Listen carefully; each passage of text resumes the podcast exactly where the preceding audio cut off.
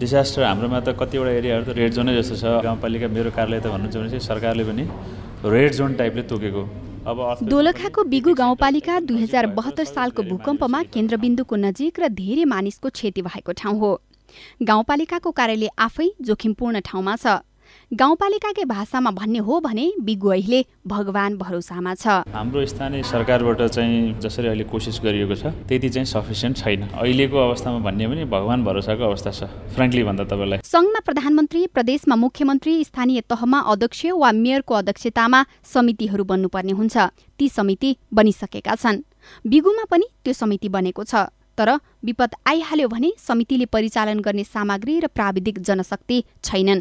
तालिम कार्यशाला तथा सचेतनाका कार्यक्रमहरू पनि अधुरै रहेको गाउँपालिकाका उपाध्यक्ष सञ्जीव ओलीको भनाइ छ। म चाहिँ के चाहिरहेको छु भने कम्तीमा फायर ब्रिगेड एम्बुलेन्स र लगभग अहिले पछि बनेका घरहरू भूकम्प प्रतिरोधात्मक त भएका छन् तर आगलागी भयो। के गर्ने? आगलागी त भूकम्प प्रतिरोध हुँदैमा नियन्त्रण हुन्छ भन्ने छैन। अबको वर्षमा त्यो राखेका छौँ र यो वर्ष चाहिँ हामीले सशस्त्र प्रहरी नेपाल प्रहरी नेपाली सेना पनि रहेको हुनाले संयुक्त रूपमा काम गर्ने। दोलखाकै अर्को गाउँपालिका कालिन्चोक पनि विपदको हिसाबले जोखिमपूर्ण क्षेत्र हो। गाउँपालिकाले गरिरहेको पूर्व तयारीको काम भने जनप्रतिनिधिलाई नै चित्त बुझेको छैन।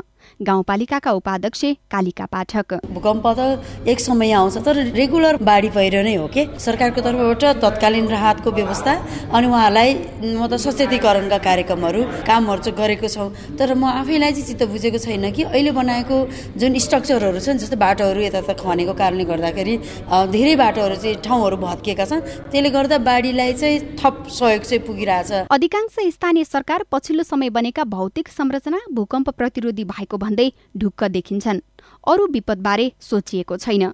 गएको चैतमा बारा र त्यसपछि सुदूरपश्चिममा आएको आँधीपछि भने बहस सुरु भएको धादिङको त्रिपुरा सुन्दरी गाउँपालिकाका उपाध्यक्ष देवी पाण्डे बुर्लाकोटीको भनाइ छ। भौगोलिक हिसाबले पनि पहाडी क्षेत्र भएको कारणले गर्दा बाढी पहिरो बर्खामा आउने चट्याङहरू कतिपय अवस्थामा हावाहुरीले पनि क्षति पुर्याउने अवस्थाहरू छ।